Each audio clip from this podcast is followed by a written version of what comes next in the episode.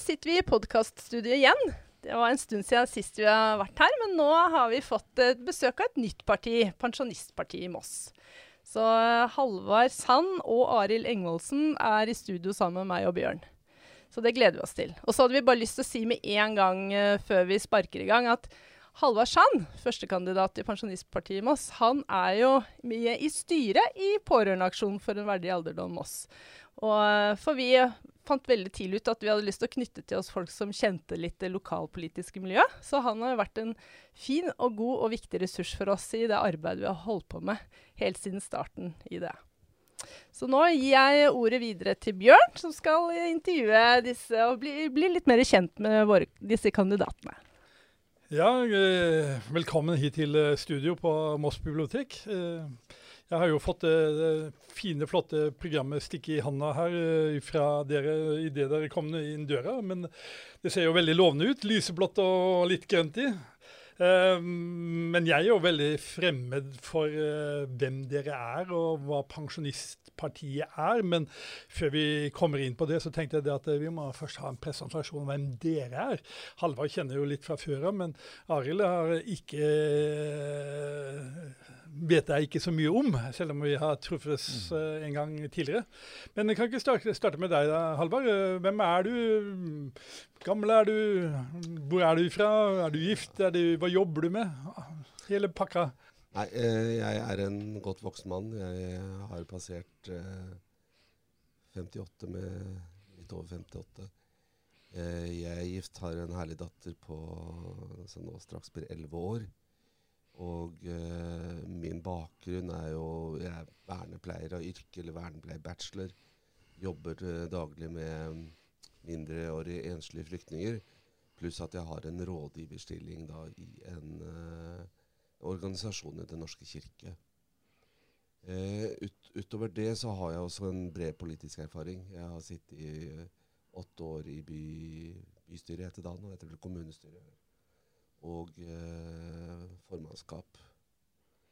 Og eh, sitte i en rekke utvalg. Helse og mestring. Jeg har vært eh, styreleder på Personalpartner.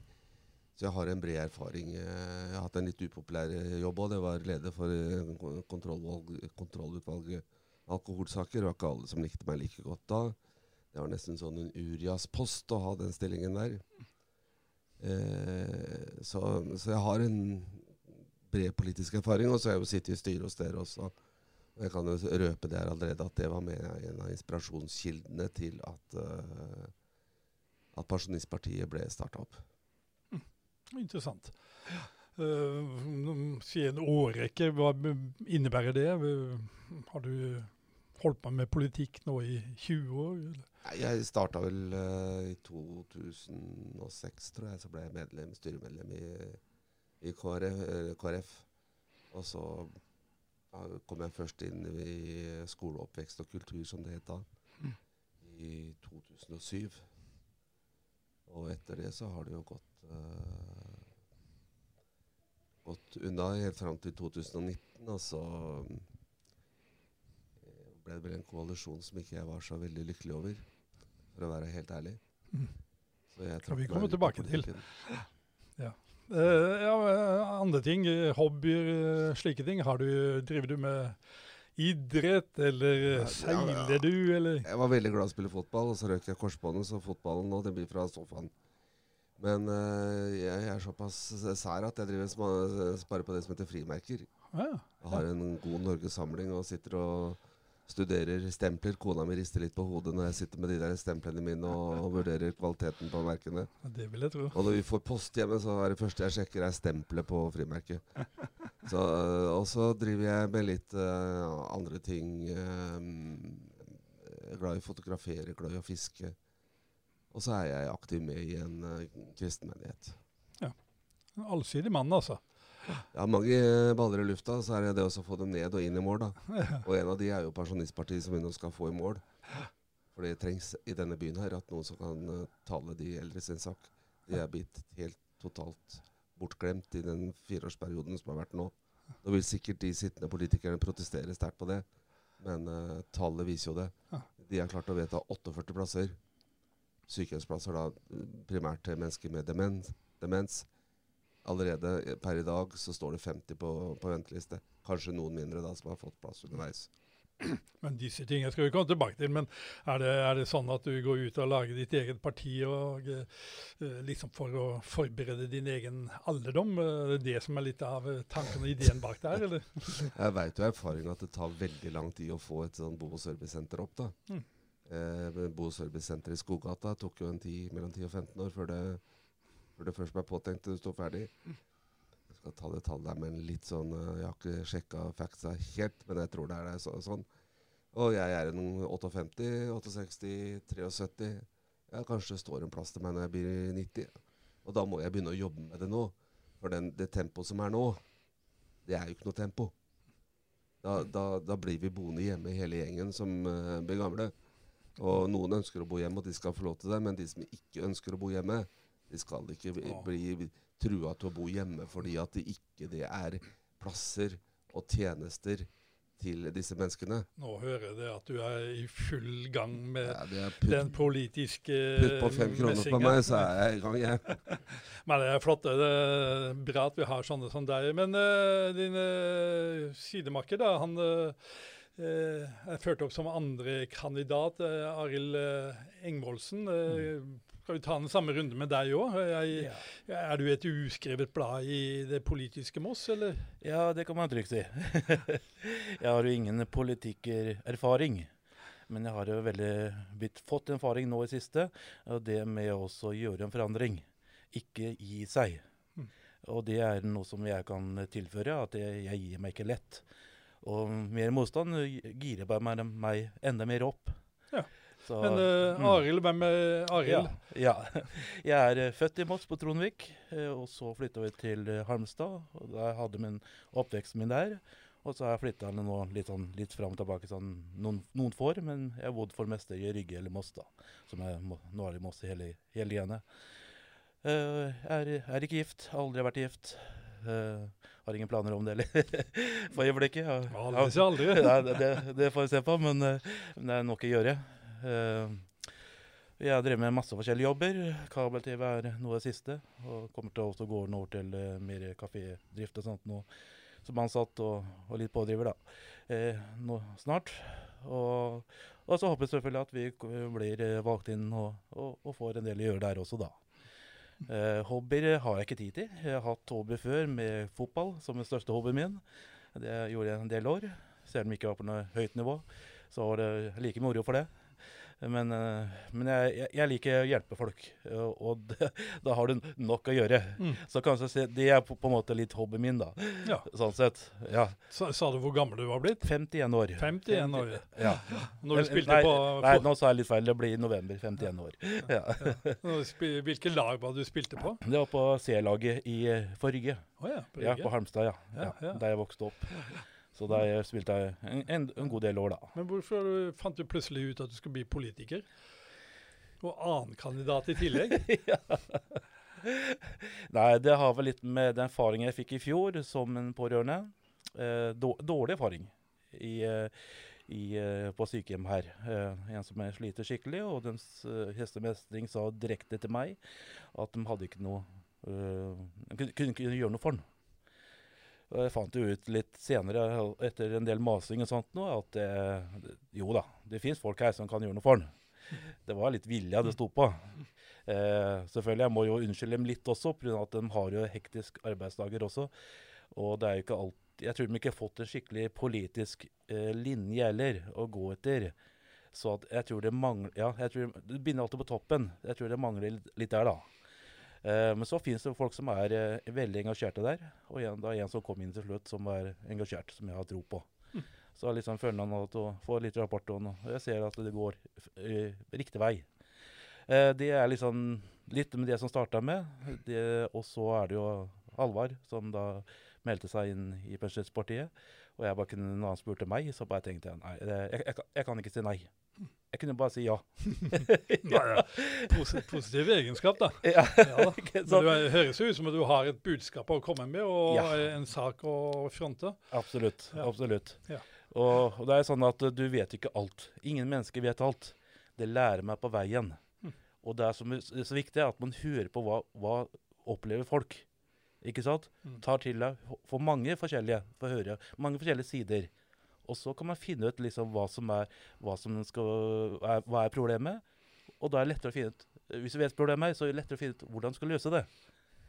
Og, og da må det Vi, vi i Pensjonspartiet vil jo være Vi vil tale enkelt. Og så vil vi jobbe for å gjøre noe. Jeg, vi, vi, så, vi trenger ikke ha flotte ord bare, og så, og så slutte med det. Vi må, vi må, det er jobb å gjøre her. Det er skikkelig jobb. Det hørtes interessant ut. ja. er, er det noe eh, du har lyst til å si som en sånn fun fact, eh, noe folk ikke vet om uh, Arild? Ja. Som kunne vært morsomt å få med? Ja, jeg er veldig sta iallfall. Sta, ja. veldig Ja. sta. Fin egenskap, det òg. Ja da, men det er ikke alltid folk syns de er så moro. Mm. Eh, Det er, for det noen sier at jeg er for sta også, og, og at ikke kanskje da hører på, på, på andre. Men, eh, men jeg er ikke helt enig der, da, for jeg hører faktisk hva andre sier. Det er flott. Ja, da skal vi få gå over til sånn ren politikk. Dere sprekker jo over av å ha lyst til å prate om det, da. Så, vi prøvde først å bli kjent med dere. Absolutt. Ja, nå har jeg sittet og lest eh, programmet da, fra, som jeg henta på nettet for hele Pensjonistpartiet generelt også. Så det som på en måte gjør meg en litt sånn feeling på hva slags parti er det. Jeg ser jo det står blokkuavhengig. Mm. Kan dere si litt først om det? Så hvilken side kommer dere til å samarbeide med, for å gå rett på den? Mm. Ja, vil si det sånn, svare som alle svarer, der vi får mest gjennomslag for programmet vårt. Eh, Samtidig som vi har nei til eiendomsskatt og nei til bompenger. eh, Så da må folk sjøl få konkludere hvor, hvor vi hører hjemme. Mm. Eh, og eh, vi er ikke ideologisk parti liksom sånn i forhold til det her med eh, konkurranseutsetting av tjenester, private tjenester. i- Eh, vi ønsker at alle gode krefter skal slå til og, og være med å løfte. Altså Du hadde noe som het barnehageløftet, nå trenger vi noe som heter eldreløftet, og da må alle være med. Da kan vi ikke sitte eh, som ideologer og bare si at nei, dette er velferdsprofitører. Det er ikke det. Det er mennesker som hjelper til for å løse et velferdsproblem. Mm. Mm. Så ut fra det jeg sier nå, så får jo folk sjøl, som sagt, prøve å konkludere hvor vi hører hjemme. Og så har jeg lagd en undersøkelse på VG, så står jeg Der er det en sånn valgomat, og der eh, kan man gå inn og så kan man finne navnet mitt der. Og så kan jo se hvem ordfører jeg der foretrekker. Mhm. Og du kjenner jo mange av disse som eh, fra før av, når du var i, aktiv i kommunestyrepolitiker. Eh, hva vil du si om den politiske situasjonen i Moss nå? Nei, det, det virker jo som det går mot et skifte. Eh, Arbeiderpartiet får vel ikke akkurat eh, Eller for så vidt Senterpartiet. Eh, de to får vel ikke hjelp av moderpartiene sine.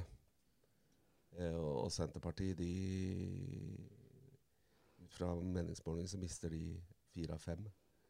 Eh, og Arbeiderpartiet mister mange. Så um,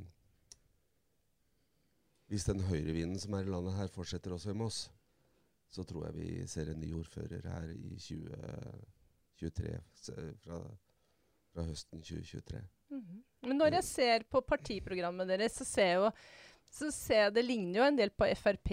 Altså sånn som nei til bompenger. Det er jo noen sånne klassikere. Hva, hvorfor trenger vi et eget pensjonistparti når man har kanskje partier som sier litt noe av det samme? Det hjelper ikke å si noe av det samme. Det som vi etterlyser, er handling. Og vi kommer til å være med det partiet som kommer til å gi full gass når det gjelder å bygge nye eh, heldøgns omsorgs- og sykehjemsplasser. Eh, og det er mange som har masse flott program. Og jeg, jeg har vært med på den eh, runddansen der, jeg også. Og eh, det hjelper ikke med mange fine ord. Det må handling til. Og, og Frp har jo noen ting som er veldig gode, bl.a. at eldreomsorgen skal være statlig styrt, slik at den blir lik over hele landet. Det er en veldig, veldig god idé. Og den støtter jo Pensjonistpartiet i sitt program også. Mm. Mm. Og dere kan samarbeide. Det er jo noen som for all del ikke kan samarbeide med noen partier. Eh, har du noen vi- kommentar på det? Nei, vi er vel ikke he he helt der, liksom, at vi ikke kan samarbeide med noen partier. Det spørs akkurat hva du mener, da. Eh, selvfølgelig. Men, eh, Vi, det er jo sakene som er eh, viktige. Og da trenger vi jo støtte i, i full, flest mulig partier også. Så er, det er jo litt mer saker vi går på. Mm. eh, sak, fra sak til sak. Mm. Og god posisjon, selvfølgelig, det blir jo li, litt annen, annen greie. Men, men det viktigste er sak, sak til sak. Mm. At vi får gjennombrudd på det som er viktig. Og, og jeg snakker også med en som arbeiderpolitiker da, som kom bort til standen vår. Og, og har fått- vi har en del uenigheter, men, men i hvert fall én ting var jeg enig på. i hvert fall, At vi skal ta vare på det svake. Og, og det er jo liksom noe av det som vi håper på å komme inn, inn her. Og så liksom være pådrivere at vi må ta vare på det svake. Vi må prøve å få flest partier til å skjønne det. Mm. Mm. Og hva hvis du skal på en måte oppsummere Nå har jo du Halvard sittet i helse- og mestringsutvalget de siste fire åra for KrF, faktisk, så du har jo vært litt tett på der. Hvordan vil du oppsummere de siste fire åra? Som å gå i, eh, i tjære. Ja. Det har gått fryktelig sakte. Men da skal vi gi koronaen skylda? Nei, vet du hva? Den- den Koronaen satt sikkert mye på vent og på, på, på pause. Eh, det er veldig enkelt å skylde på den, men eh, politikerne traff hverandre via Zoom eh, på, på nettet. Eh, nei, jeg tror ikke vi skal gi koronaen skylda. Jeg tror heller vi skal gi politikerne skylda. Og kommunesammenslåingen, da? Jeg bare Eh, Kommunesammenslåingen i etterkant, vi skal stikke fingrene i jorda, så var ikke det For min del så kunne det godt vært foruten. Fordi For det første så fikk vi jo en del, tilført en del midler i prosessen da vi skulle slå sammen. Men det ble, Og så fikk vi på det første budsjettet eh, vi fikk da som felles kommune, så jeg tror jeg vi fikk 24 millioner mindre enn det vi hadde fått hvis det hadde vært, vært, vært hver for oss. Pluss at Rygge blir en sånn utkantsted eh, som eh, ja, det er nesten ikke en aktiv Rygge-politiker igjen i, eh, i Mosse-distriktet. Så, så, så kommunesammenslåingen Jeg bare tenkte på at ting tar tid, man skal finne roller, ny, altså omorganisering og sånn. At det Jeg bare For å bare jeg- jeg jeg lete etter årsaker. Men eller, kontra hvem som har satt, sittet med styring, da. Ja, nei, jeg trodde jo at, uh, at man skulle ta det beste fra hver, fra hver kommune og få det opp, jeg. Men det virker jo som det motsatte har skjedd. Nå høres jeg sikkert veldig kritisk ut, men eh, Nei, det trengs politikere som virkelig står på, og så må vi se at Rygge er en del av Moss. Det må også de gamle Mosse-politikerne se. Mm. Og at, at Rygge, når det gjelder eh, tjenester, omsorg, når det gjelder det å bygge sykehjemsplasser, ikke minst barnehageplasser, Mm. så må Rygge inkluderes i Moss. Mm. Kan ikke være en provins for seg sjøl. Så, så, så, sånn tenker jeg om det, da. Mm. Eh, og så har Rygge en fantastisk natur som må bevares. Og, og, og du har Larkollen, som er en perle. Det var vel en politiker i sin tid som ville gjøre Larkollen selvstendig som en egen kommune. Men eh, det er blitt meg fortalt at eh, rådhus, tegningene til rådhuset lå også klar der. Men, men nok om det. Det er jo også, også veldig lett for at det blir liksom ute i periferien. Mm. Og, og, sånn kan det, jo, kan det jo ikke være. Altså, vi må få tjenester inn der. Vi må få en ungdomsklubb. Vi må, få, vi må ha Rygge med oss på Mm. laget. Ikke at det blir en sånn en, uh, klamp om foten. Mm. Sånn som Kambo alle år har vært her i Moss også. Så har den nordre bydelen også vært en sånn en uh, Litt sånn, sånn annen prioritet. Mm. Men eh, da er det jo det med å mm, få fart. Dere snakker jo om det. Altså, Mm. nå, jeg tror dere brukte ordet full gass ja, Full gass. på dette nye programmet dere kom med Mm. nå. Vi vil Mm. gi full gass Mm. når det gjelder utbygging av sykehjem og heldøgns omsorgsplasser. Mm. Hva er det dere, hvorfor skal dere få det til, hvis ikke de som har sittet her nå de siste fire åra, har fått til mer? Politikk handler om prioriteringer. Skal vi prioritere voksenmoro, altså dvs. Si kultur, moro for de voksne, at vi skal eh, sponse eh, Momentum med mm, Altså Galleriet 15 er et veldig det er flott sted som jeg også gjerne vil beholde, men det er en del andre ting rundt det. Skal vi sponse det med millioner av kroner, eller skal vi ta oss av de som har bygd landet vårt, og de som på en måte har bygd byen her?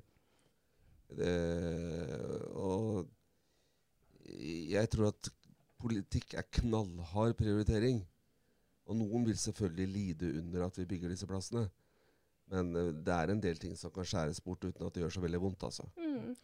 Og så er det det med at Litt med full gass. Det er liksom at eh, vi ikke Vi lar ikke sakene bli glemt.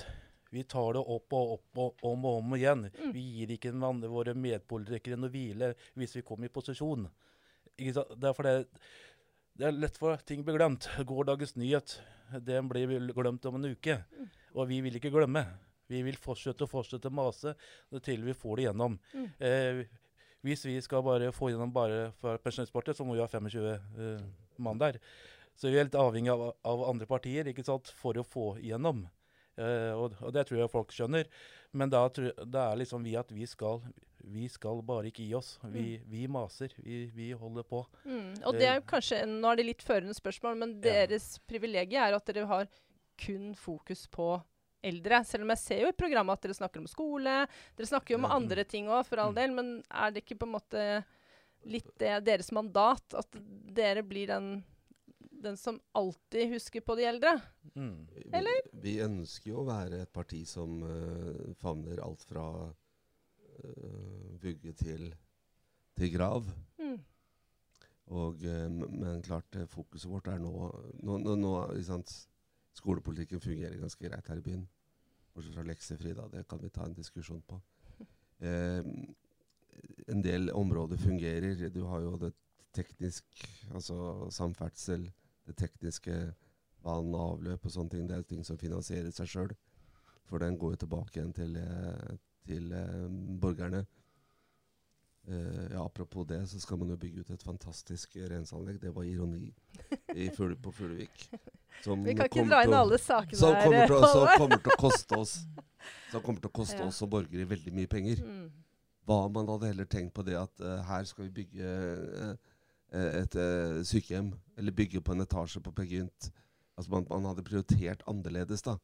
Og det er lov å tenke som politiker, og vi behøver ikke alltid å høre på, på administrasjonen.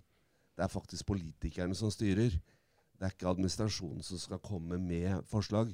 Se på det nye biblioteket og kulturbygget på Kirketorget der. Det var administrasjonen som kom med. Det er politikerne som skal komme med administrasjonen og si Hør her, løs det her. Her har vi et prosjekt. Ikke at, at, at vi skal bruke millioner på, på sånne ting. Eh, de millionene der Jeg pleide å si det sånn på spøk. Jeg bygger gjerne et uh, bibliotek på Kirketorget, men de fire neste etasjene skal være sykehjemsplasser. Ja. ja. Så det handler om å prioritere. Mm. Og det handler om at vi kommer til å, og uansett om vi kommer i posisjon eller opposisjon, så kommer vi til å sitte på skuldrene til folk, Mm. til våre felles politikere, og minne dem på det hele tida. Mm. Vi vil ha omsorgsplasser.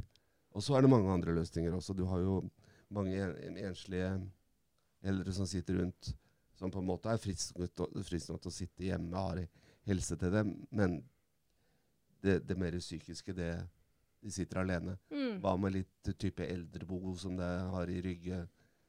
Fellesarealer, private borettslag, der man kan kjøpe tjenestene. Masse løsninger. Og, også hva er det som er så farlig med det at hvis folk kjøper sin egen omsorgsplass istedenfor å ta en plastikkoperasjon eller sette deg på spissen, da. eller kjøpe et hus i Syden. Hva om de ønsker å, å ha en egen privat eh, og så søk, søk sin e eller kjøpe sin egen private plass. Det ville bare frigjøre så nestemann i køen som ikke har råd til det, kan få en plass. Mm. Altså, vi må tenke annerledes. Mm. Det som virker som har vært politikernes mantra nå ganske lenge, er jo at vi skal bo hjemme så lenge som mulig. Mm. Og det virker jo så flott. Det høres jo så bra ut. Og, og, og eh, liksom når jeg snakker med noen politikere, så får jeg inntrykk av at det, eldreomsorgen og den såkalte eldrebølgen, det løser seg med velferdsteknologi. Det er ikke noe problem. Ikke sant? Ja. Så det hva, hva tenker dere i forhold til behovet for at det skal gjøres et krafttak overfor de eldre i Moss? Jeg mener at de som bor hjemme, skal få lov til å bo hjemme. Men det er mange som bor hjemme fordi at det ikke er plass til dem. Det er den store forskjellen. Og eh, da må vi som kommune, vi er lovpålagt også, skaffe dem plass. Og da må vi ta i et tak og gjøre en dugnad. Vi kan ikke sitte og vente på jeg nevnte her for Bjørn i stad. Den siste fireårsperioden har vi vedtatt 48 plasser. Og når det ble vedtatt, så var det 50 som var på venteliste. Eh, enkel huregning viser jo at, det at vi er jo helt, egentlig helt på jordet, mildt sagt. Og, og, og antall mennesker med demens vil fordobles i løpet av en 20-årsperiode.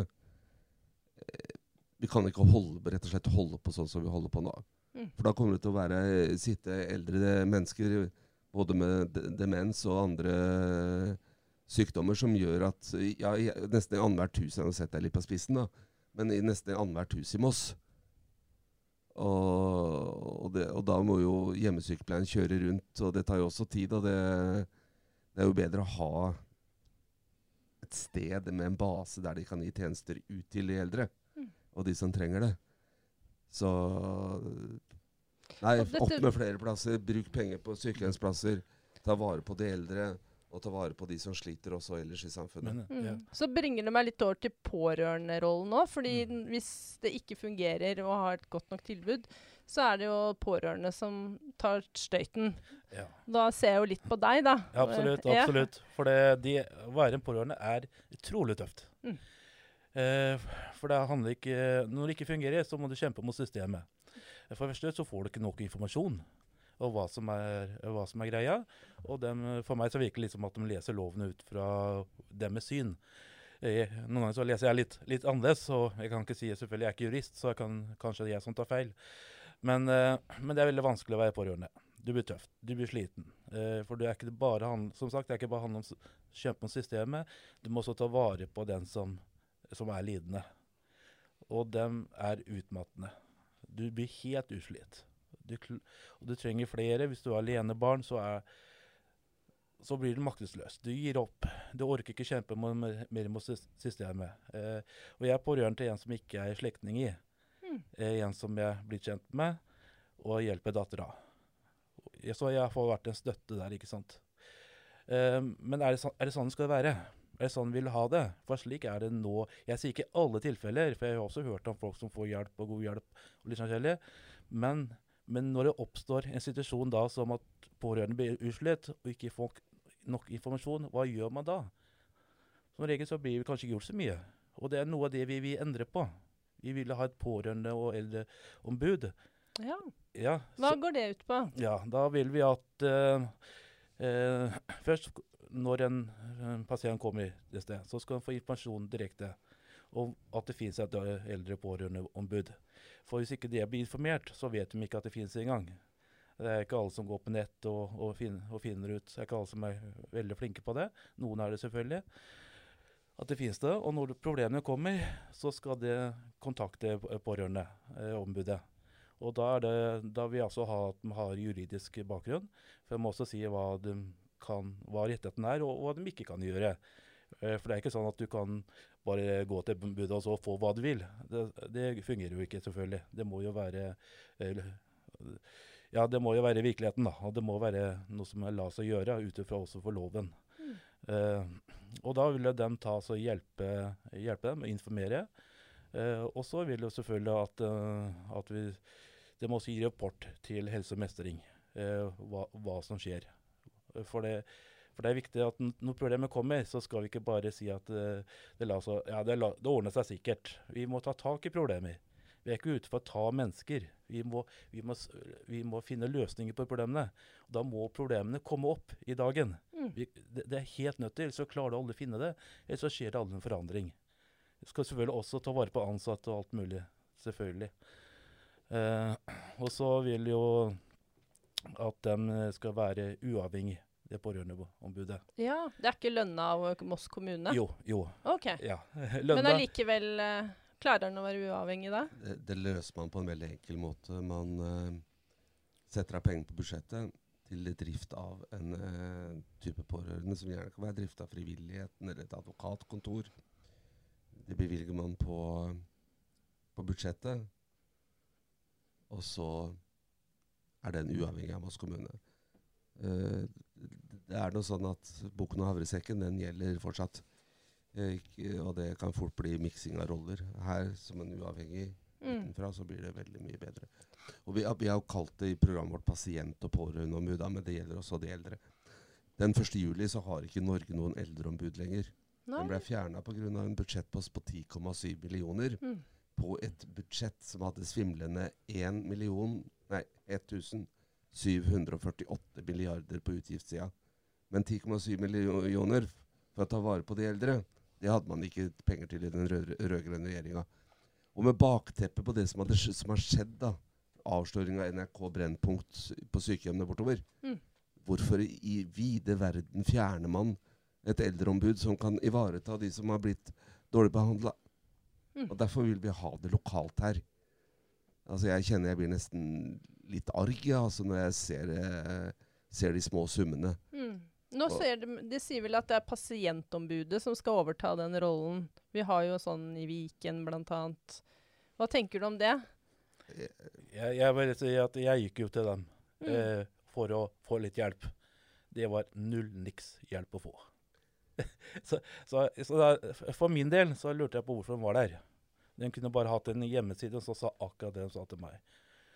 Eh, så det er ikke noe hjelp. Så, så, tenker jeg at de kanskje opererer på en litt annen arena. altså Dvs. Si sykehusarenaen, ikke sykehjem Mm.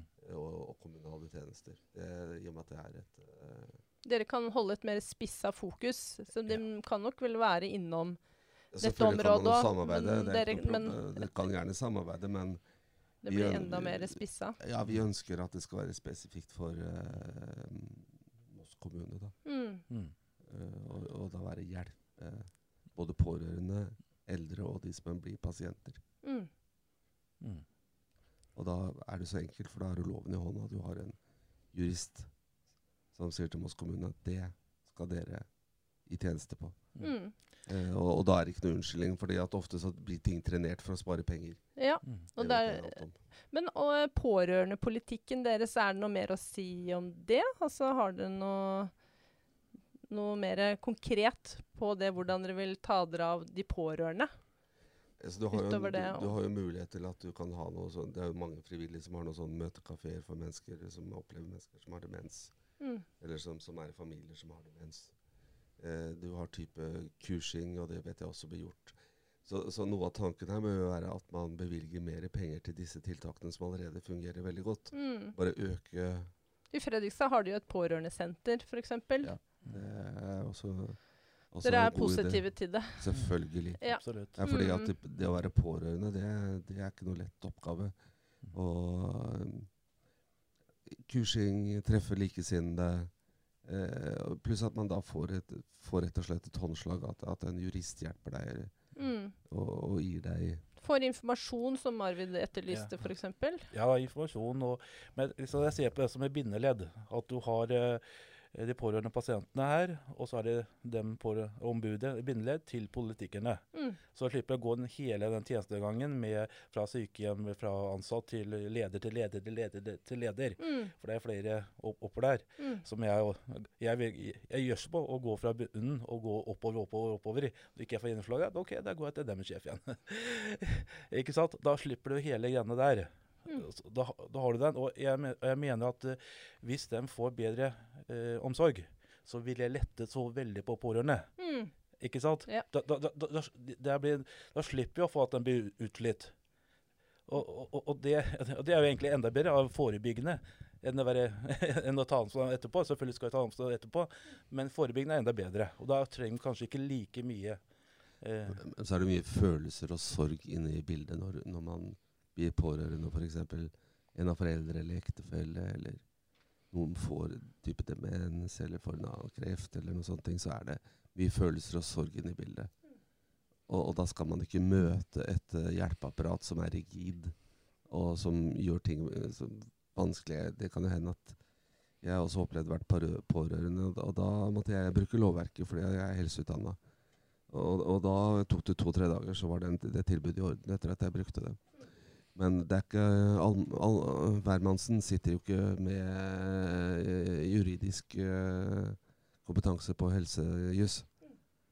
Så, så, så, så da får man det da, da kan man i hvert fall ta den byrden fra skuldrene sine. Og få tid til å være pårørende på en annen måte, uten å kjempe. Jeg hadde lyst til å komme litt innpå her. Eh, Jeg, eh, det er jo en veldig interessant sak, da.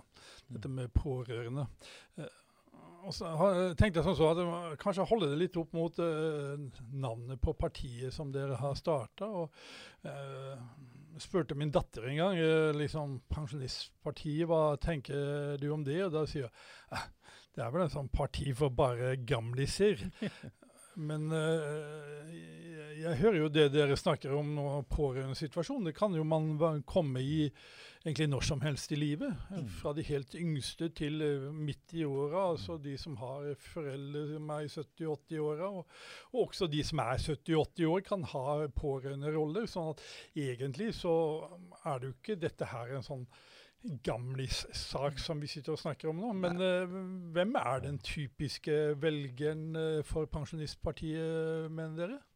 Altså, vi er jo, ble jo stifta på det grunn at seniorer ikke fikk være så veldig aktive i politikken.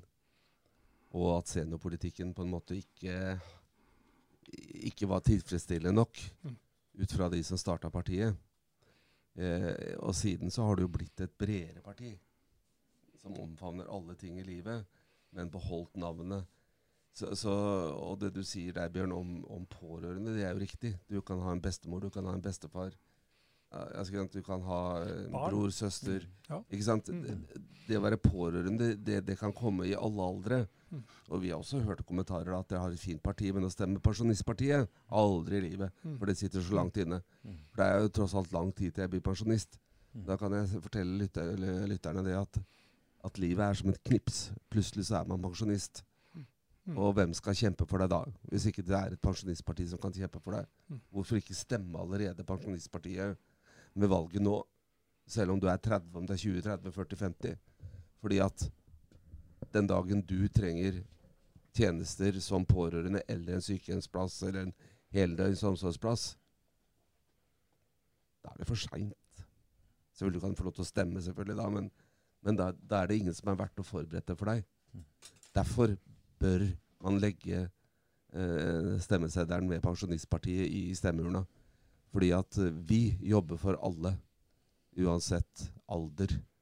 Og hvis man går inn på pensjonistpartiet.no, eh, eller på Facebook på Pensjonistpartiet Moss, så se, vil man jo se at dette er politikk som er reelt og, og, og, og på en måte er for alle. Ja, vi ser du har, Dere har jo eh, saker som omgår skole og Mm. andre mm, barnehage og andre saker også. Så det er vel en jobb Pensjonistpartiet sentralt har gjort, jobba en del med. For de har møtt den kritikken at det bare er for Mm. gamle. Mm. Mm.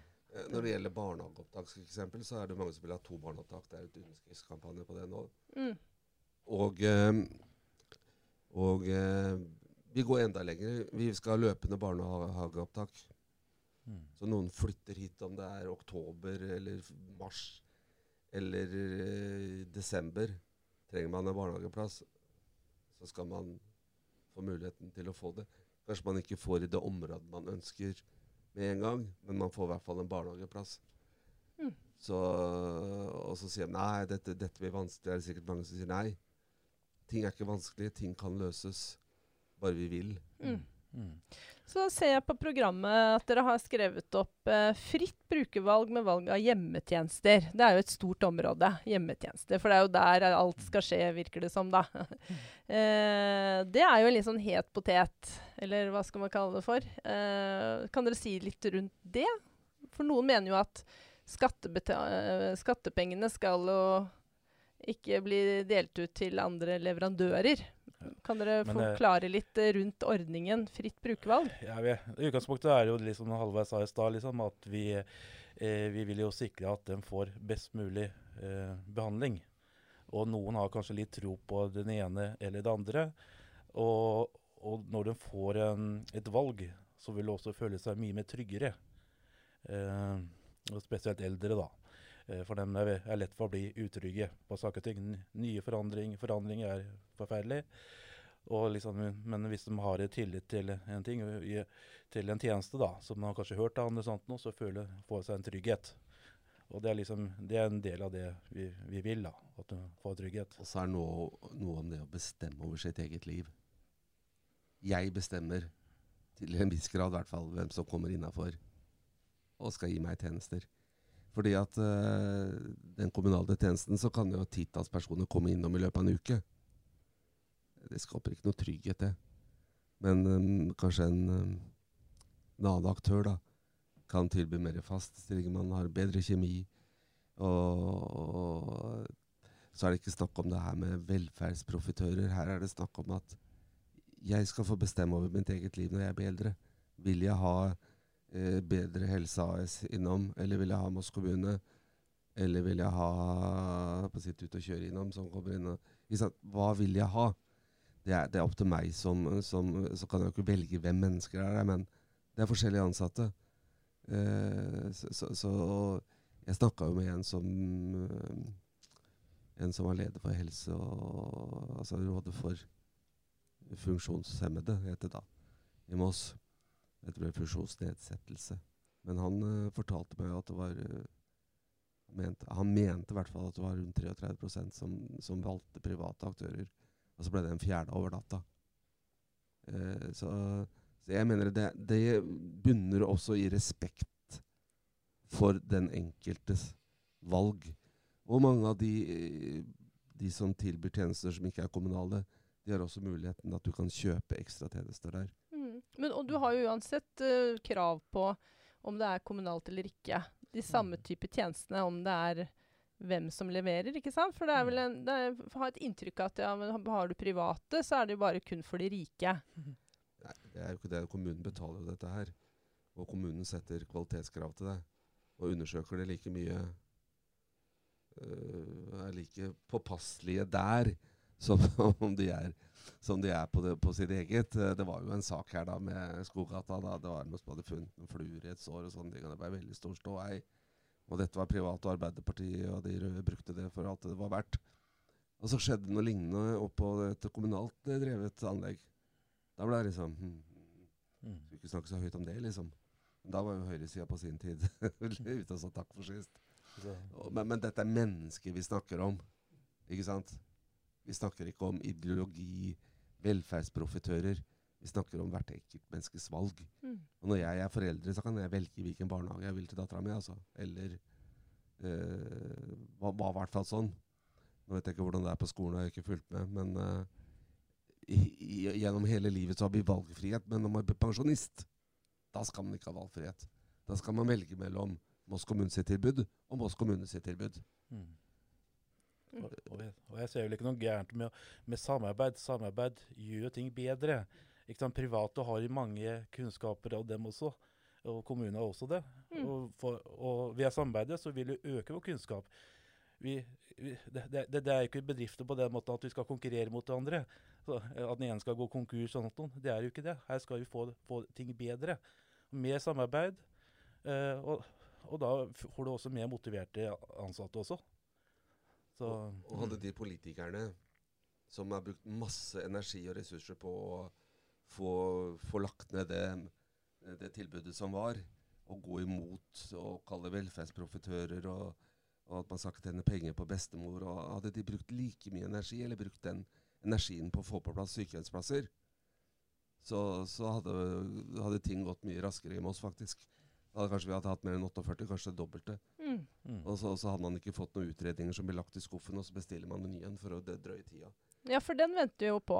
Den er jo, uh, nå har det gått to år siden mm. den nye utredningen om eldrebo skulle komme. Mm. Så nå har den blitt lovt å komme i løpet av høsten, da. Hva tenker dere rundt det? Nei, jeg, for det bør vel være et slags startskudd for at man nå kan se litt forbi Grindvoll, og det, man snakker jo bare om mm. Grindvoll hele tiden.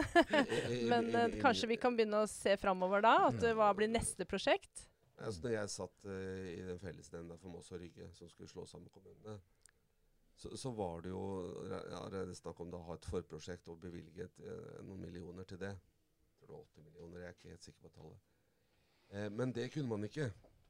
For da var, da, da var liksom det, det var, Da var det jo da ikke sant fordi at man satt i felles nemnd, så, så, var jo den, den, siden som er veldig imot det, de, de satte ned foten. De kunne ikke, vi kunne ikke starte da. Vi måtte ha nei, ikke sant? masse unnskyldninger for å, for å ta tida. Og masse av de politikerne sitter jo nå i og på en måte sitter og fortsatt trenerer det. Eh, og, og eh, Hadde man starta da, så kunne man kanskje hatt enda kanskje 96, kanskje 150 plasser som man kunne forprosjektert. Men eh, jeg har et slogan. Kanskje slå litt tilbake på meg sjøl også. Da politikerne ikke ville at noen ting skulle skje, da satte de til en komité. Eller at de satte et utvalg, eller de ba om en, uh, en utredning. Ja. Men og hva tenker du nå når du ser at nå er det jo rett før vi tok sommerferie, så på sist kommunestyre så ble det jo både kommune...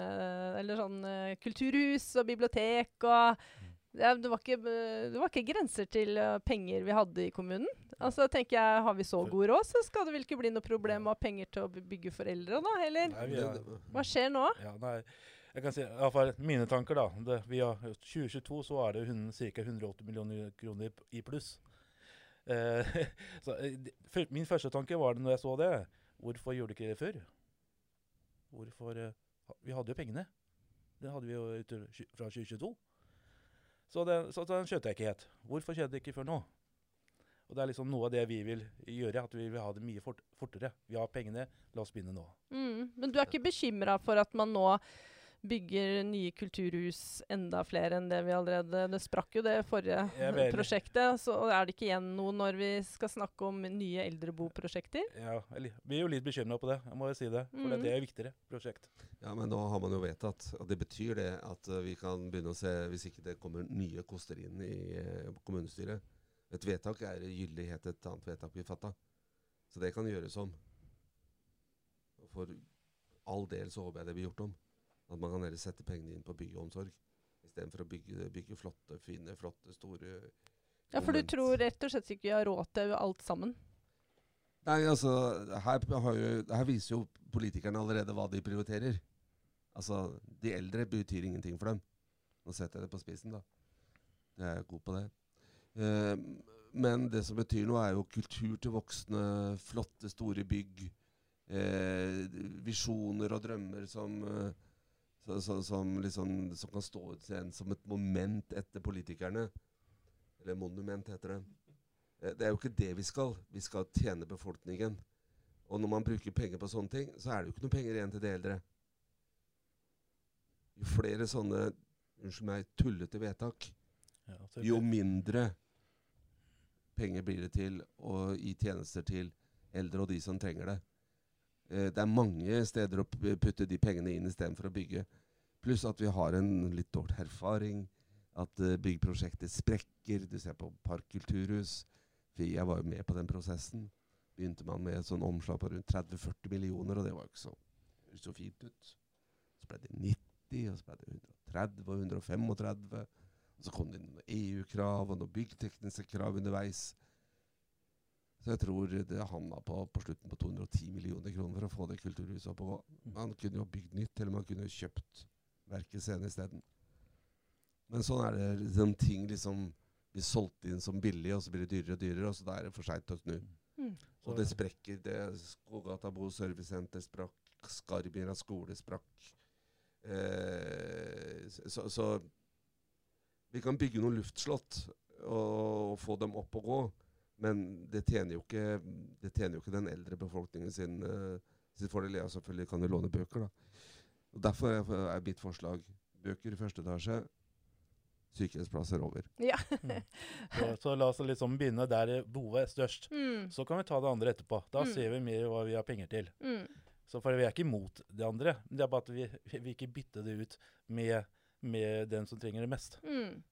Mm. Og det, du var jo litt inne på det tidligere, Alvar, om det er må gå i lag, sånn som med barnehageutbyggingen. eh, at kanskje partiene på tvers må ta dette krafttaket. Mm. Altså, Hvordan ser vi for oss at Moss skal være rusta til å ha nok plasser? Om det er sykehjemsplasser, omsorgsplasser eller seniorbo. Altså at vi sk for vi, Alt kan vel ikke stå og falle på kommunen aleine? Nei, skal det det, så Så tar det lang tid. Da, da blir det vel kanskje Er jeg heldig, så blir det oldebarna mine som får en sykehjemsplass, liksom. Mm. Nei, vi, vi har jo programfesta at vi skal ha andre aktører, altså ideelle og private, som skal trå til Mm. der kommunen sjøl ikke har kapasitet. Mm. Og kommunen har jo vist at de For det første så har det vist at de har, ikke har kapasitet til å bygge og gi tjenestene på, på en Altså på den måten som kanskje mange ønsker, da. Eh, og, og da må både ideelle og private inn Og da må vi ha et dugnadsarbeid eh, der de, de private ikke blir sett på som uh, profitører. Ikke sant? Det, det har jo, ikke sant? Bare bruke det ordet. Mm. Velferdsprofitører. Da får jo tankene tilbake til de som under krigen var, eh, som var profitører på, på nazistenes bestillinger. Mm. Eh, Bare bruke det ordet der syns jeg på en måte er frekt. Mm. Dette er folk som, ja, de drifter ting billigere. De drifter ting bedre. Og kvaliteten er ofte også kanskje vel så bra. Kanskje bedre noen steder også. Jeg hadde praksis i et uh, privat, eller et konkurranseutsatt, heter det, for vi må skille mellom privat og konkurranseutsatt sykehjem. Der hadde de en halv person som tok seg administrasjonen. Da var Melhusparken. Da var det, og hun var eh, halvparten i miljøet som sykepleier. Eh, så satt hovedlederen da for eh, jeg tror det var Alcatel ja, da, som hadde det, det anbudet i Bergen og lede alle de stedene der de hadde. Eh, klart det blir mindre utgifter da, når du har en litt smalere og litt mer smidigere organisasjon. Her har du jo fagledere og avdelingsledere og mellomledere og toppledere og ja, rådgivere og Mm.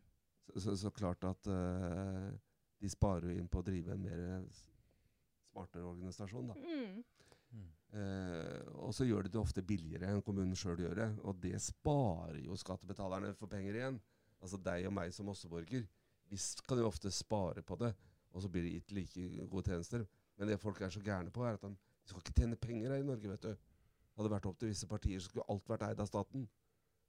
Mm. Og kommunen.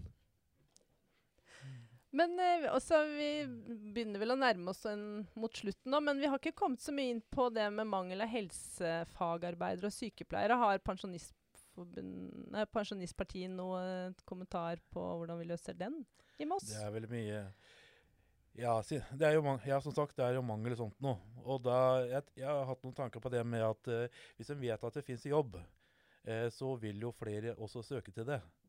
Trygg plass. For det, det har jeg lest mye om før, at eh, nå er det masse jobber å få. Og da får du også økning av folk som vil. Mm. Og, og, og det er også det med Hvis du får inn privat og alt mulig sånne ting også, så har du med to litt eh, forskjellige å velge mellom. Eh, hvis, Mm. hvis de hører veldig mye dårlig om kommunetjeneste, så har de kanskje ikke så lyst til å begynne der. Men, eh, men det er også noe vi må få opp selvfølgelig eh, på, på visse ting. Vi må også skryte selvfølgelig av eh, også, det er veldig mange som gjør en go veldig, god, veldig god jobb. Mm. Så vi må ha hele helheten her. Mm.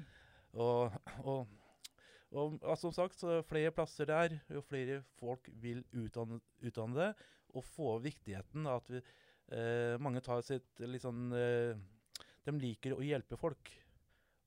Og da, her trengs dere. Du trengs. Ta det og utdanning her, du som har et hjerte for, for det svake. Og, da, og da, det er det mange som har. Og da tror jeg også det vil gjøre at folk flere vil utdanne seg. Trygg jobb, det er veldig viktig. Mm. Mm. Og så må man kutte ut alle disse 40 og 33 og 60 og 70 %-stillingene. Gi folk 100 Mm. Mm. Det er viktig også gi folk en god lønn. Da jeg begynte som vernepleier i Moss kommune, så var det direkte opprykk. Dvs. Si at man rykka opp til høyeste nivå med en gang. Man fikk en, eh, for da var jo mange som var igjen av de mennesker med, med downs fra, fra sentralinstitusjonen på Orkerøy som Oslo kommune hadde. Og da trengte man vernepleiere. Og den måten man gjorde på det, var at nyutdanna gikk rett opp på topp på topplønn. Mm. Og så selvfølgelig ha noen stillinger som ikke er 100% for dem som vil det. For det ja. Så, Mm. mm, så vi har begge deler, da. Mange studenter og mange som, som, uh, Ja. som vil ha deltidsstillinger, og de skal få det. Ja. Men de som vil ha en 100 %-stilling, skal få det. Og så tror jeg noe av nøkkelen her er eh, økt lønn. Mm. Mm. Altså i en arbeider er sin lønn verdt. Mm. Er, eh, det står det i en bok som jeg leser veldig ofte. Mm. At arbeideren er sin lønn verdt, og det tror jeg. At, at, at det, må, det må verdisettes mer. Og så må det være mulighet for kompetanseutvikling, kursing. Mm. Pluss at det ikke må være underbemanning, for folk sliter jo, sliter jo seg i hjel. Mm. Mange Mm. som går på, går på jobben og står på og gir alt. Mm. Gå- Og går hjem med dårlig samvittighet. Sånn skal det jo ikke være. Ja. Ja. Og så har Bjørn, du har jo en eh, tanke du har sett fra Indre Østfold, som du mener vi burde lære av i Moss. Ja, jeg har jo det. Og det, når vi har prøvd å spre her nå til de andre politikerne som har vært her i studio, det, det går jo på uh, Vi har snakka om uh, Politihøgskolen til Moss. Vi må få ungdommen til Moss. Da må vi få, prøve å få Politihøgskolen hit. Men nå har vi jo holdt på med det her i er det 10 år eller 15-20 år, ikke vet jeg. Men, men, det skjer jo ikke. Og da sier jeg det at hvorfor kan vi ikke uh, prøve å få sykepleierhøyskole til Moss? Mm. mm. Nå skjedde jo det her i tror det var sist vinter, at plutselig hørte jeg på radioen at Mysen hadde fått en avdeling under Høgskolen i Østfold til uh, ut der, fordi at uh, ungdommen skulle slippe å reise til Halden eller Fredrikstad for utdannelse. Så tenkte jeg så lurt. Hva har Moss gjort for det her? Er dette en aktuell sak? Og, og, og f.eks. dette med at vi har et sykehus i byen. Her kan det også være at vi kan allerede begynne å utdanne folk på ungdomsskolen i helsefag får det også på videregående, og så kan de ha en etterutdanning eller videreutdanning på uh, sykehuset her vi har, at de går i praksis. Hva tenker dere om en, en, sånn løsning? Jo, vi har jo allerede en lignende løsning som heter Generasjon M. Som er, som er en god løsning der uh, ungdom får muligheten til å prøve seg på sykehjem og være en type sosial miljøarbeider der. og kjenner jo flere som etter å ha vært på det generasjonen hjemme, har tatt en helseutdannelse. Så, så, det er jo et genialt uh, forslag, og, eller uh, genialt tiltak. Håper det fortsetter og ikke det strander på de småpengene det, som det gjelder der. Jeg, hvis jeg skal huske riktig, så måtte vel Sparebankstiftelsen inn med noen ekstra kroner her for at Moss kommune skulle være med. Egentlig så burde Moss kommune bare utvida og betalt gildet sjøl. Flott med, med, private stiftelser som, som gir noe. Så jeg eh, tror du, du er inne på noe der, Bjørn. I hvert fall at man uh, kunne vært veldig aktiv i Fredrikstad. Og prøve å Nå vet jeg at jeg driver en del rekrutteringsarbeidet, men kanskje gjøre det enda mer lønnsomt for, for studentene. Hva med å spandere ut, utdannelsen mot at man binder seg? Mm. Det er jo en fin måte å gjøre det på. Jeg, I min tid så tror jeg hadde ett års bindingstid. Jeg fikk noen stipend og noen bøker og noe sånt. Jeg mm. videreutdanna meg når jeg var i jobb. Mm. Eh, så, så, der kanskje Moss kommune kunne vært flinkere og brukt mer penger på det. Eh, så, så, det er mange ting man kan gjøre. Men eh, det virker som at akkurat den biten her tror jeg liksom Den blir liksom lagt til side. Det er andre ting som er viktigere for politikerne. Og det ser vi jo da. Jeg sitter jo den Ut på tunet, som er et tilbud til mennesker med, det, med mennesker som har demens, med sånne dags, dagsaktivitet. Hvordan den ble trenert i helse- og mestringsutvalget, var frustrerende. Mm. Eh, ikke sant? Så, ja, må, det, det, er jo fint, da, men det må være et, en mossegård. Som, altså en gårdsbruker Moss som må ha det. Vi må jo beha, beha, bevare arbeidsplassen i Moss, var argumentet. Og så er det folk som er sertifiserte i Våler. Det er ti, kanskje et kvarters kjøring herfra. Bare det å bli kjørt i buss fra Moss til Våler er kanskje en opplevelse. Eh, ikke sant? Og hvorfor ikke bruke det? Hva, hva er det som er Er det de arbeidsplassene vi skal skape her i Moss som står i sentrum? Eller er det de som benytter tjenestene? Mm. Nå ble det jo vedtatt til slutt, da. Men man kunne jo ha satt i gang mye før. Vi har gjort en avtale med de som er i Våler altså, eh, driver med proteksjonisme her, eller hva, hva, hva, er, hva, er, det som skjer? Eh, eller var det bare en unnskyldning for å utsette det for at ikke det her passa budsjettene, og at man ikke hadde de småpengene som skulle til? Mm. Ja, det er eh, saft suse her. Jeg, er så, jeg, merker jo engasjementet i rommet her. Er du ikke mm. enig, Bjørn?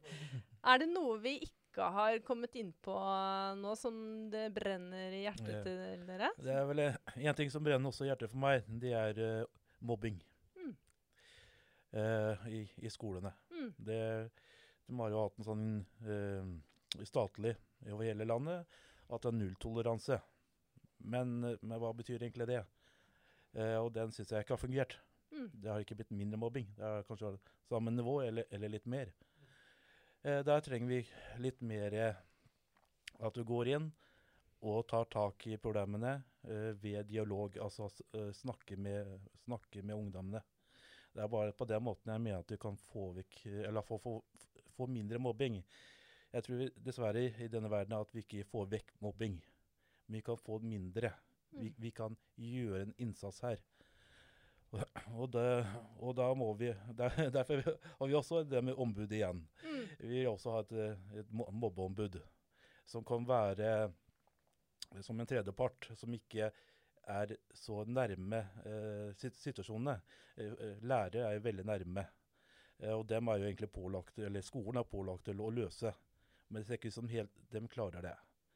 Eh, for sikkert forskjellige grunner. Men eh, vi vil altså ha en, da, en på utsiden som kan det være god dialog med, med lærere, med foreldre, med, med barn. Jeg snakka med en som er, som er litt flink, flink til det. Og vil gjerne inn på Mosseskolene, men får ikke lov til å komme inn på Mosseskolene. Eh, og det syns jeg er tragisk. Jeg syns det er veldig ille når du kan være med og bidra til, til det. Og da kan vi også prøve, bruke private Bruke eh, organisasjoner. Den som brenner for det. For det, er, det er dem vi må ha. Vi må ha den som brenner for det. For det, dem kan løse mange problemer ved dialog. Mm. For det er alltid grunner til folk mobber. Det, det kan være tra- traumer de har, noe de har opplevd.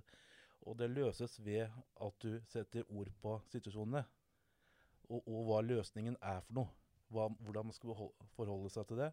Og de kan også kurse uh, elever på hvordan man skal eh, eh, Holdninger. Eh, at, at man ikke skal se ned på folk, f.eks. Eh, ikke sant? Mm. Og, og så videre og så videre. Det er, det er mange ting der som vi kan gjøre. Og at elevene, hvordan, hvordan rusta, eller hvordan skal du klare takle mobbing? Mm. Mm. Og på å si, hvor, hvordan håndterer du mobbing? Mm. Det er ikke alt som er Kanskje ting ikke er ment som det heller, men eh, ikke sant? Så, man får litt grann i det også. Mm. Ja. Så en ting til. Ja, er du ferdig, Arild? Ja, ja. En ting jeg brenner for, Jeg er lekeapparater. Å ja. På alle disse tomme løkkene og lekeparkene som står rundt omkring. La oss få lekeapparater der. Mm. La, i pe bevilg penger til, til de forskjellige vela.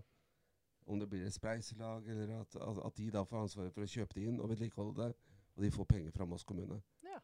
Og, og det, det kommer jo alle til gode. Barn, foreldre, besteforeldre. Som vi er veldig glad i, da, beste pensjonister. Mm. Så når de kommer på besøk da, vet du, hos eh, besteforeldrene sine, og det begynner å bli litt kjedelig når kaffe og kake og foreldra begynner å prate om eh, politikk f.eks., så kan barna gå ut på, i lekeparken og leke på de lekeapparatene. ja, du verden. Her er det litt for alle, tror jeg. Det er vi var et eksempel på at det er ikke ja. Det er uh... Jeg, håper på at Pensjonistpartiet her i Moss blir kjent for at vi er partiet for dem som lider. mm, Samme hvilken alder det er. mm, Det er der eh, vi, vi engasjerer oss veldig. mm. Og det hjertet for rusmisbrukere som Ja. jeg brakte med meg fra jeg hadde med meg inn jeg gikk i KrF, Ja. det brenner fortsatt. Mm. Mm. Så vi ønsker at rusmisbrukerne skal uh, få et, f- at de skal velge fritt hvor de skal ha behandling. Mm. Ikke sånn at du må vente i tre måneder på et kommunalt eller et fylkeskommunalt eller statlig. Men hvis du ønsker å dra på Evangeliesenteret eller Blå Kors eller eh, ta en Minnesota-modell, Mm. så skal Moss kommune sende deg dit mens du er motivert. Mm. Og vi ønsker også at det her med mat har jo vært veldig, veldig Det siste her i, i Moss så hadde det økt fra 70 det var det til 170 stykker som mottar hjelp. Altså familier som får mat, som sliter når, når det er her. Så her må vi trå til ekstra, altså. Mm. Og hjelpe de som, som sliter. Og gjerne med en type Altså at vi gir støtte til, eh, til uh, de kafeene som gir, gir mat og serverer rusmisbrukere. Skal faktisk skryte av posisjonen. De ga 200 000 til Evangeliesenteret, og det skal de ha kudos for. Mm. Men det fins mange andre også som gjerne vil starte opp på sånne ting. Eh, så vi, her, vi må løfte det. Kanskje bruke enda mer penger på det også. Altså, Dette er ting som er verdt å bruke penger på. Mennesker som sliter. Mm. For det er, det er en investering i samfunnet, og vi får så mye mer igjen. Mm. For det koster veldig mye med mennesker som lider. Mm. Så hvis man kan være føre var og på en måte hjelpe mennesker ikke sant? Altså Det er nedverdigende å gå på Nav og få uh, en sånn en kupong der du skal gå på Rema 1000 eller en annen butikk og så levere. Da er det lettere å stelle seg i kø her for å få mat. altså. Dessuten så vet jeg tilfeller der Nav har fulgt folk ned til den matkøen. Så det Nei. Det er masse utfordringer å ta tak i. Mm, Slutte å bruke penger på dyre kulturbygg og andre drømmeslott. mm. Ja, da tusen takk. Ja, vi hadde jo bare lyst uh, helt på tampen og, For vi har jo på de andre podkastepisodene hatt om at vi skulle ha 24. mai-arrangement i samfunnssalen om det med eldresaken. Og nå tenkte vi nå at vi kunne spørre noen som var der, for nå er jo det gjennomført. Vi sitter jo her ute i juli, og tenkte vi skulle bare høre fra dere. Hva, hvordan opplevde dere kvelden? Ja, hva si, mitt inntrykk var jo eh, av den som hadde Som ikke var politiker, da. Som hadde noe å si. Det kom med veldig mange gode poeng. Eh, og jeg føler vel ikke at den eh, flesteparten av politikerne svarte på de poengene. Som sa Oi, vet du hva, det, det poenget dere hadde, er så bra. Det jeg har lyst til å innføre. Det, det følte jeg ikke at de gjorde. Mm. Eh, så jeg syns det var mye poeng der å ta med seg. Og da er det fint. Det er, så- jeg, vet du hva, jeg liker organisasjoner fordi at de kommer med engasjement. Mm. De kommer med mange gode ideer Mm. som vi politikere må høre på Mm. for å gjøre ting bedre. Det er, her er et samarbeid. og det, så, så jeg syns det er veldig bra at dere hadde det. Og jeg håper at også fra flere politikere svarer faktisk på eh, Sier noe om det som kommer eh, der. At det her er bra, det har jeg lyst til å gjennomføre. Iallfall vi vil iallfall det. Mm. Ja, jeg sier ja takk, flere slike arrangement. Og så håper jeg at dere også kan få oppbacking økonomisk fra Moss kommune. Både i form av penger, og at dere slipper å betale leie når dere leier kommunale bygg. Eh, for dette er nyttig, og dette her er til inspirasjon. Og du så behovet der. Det var jo det var ikke så mange ledige plasser. Og mange hadde virkelig behov for det, for, det kurset, og det, eller kurset, se- seminaret, eller eh, den kvelden, arrangementet. Mm. Så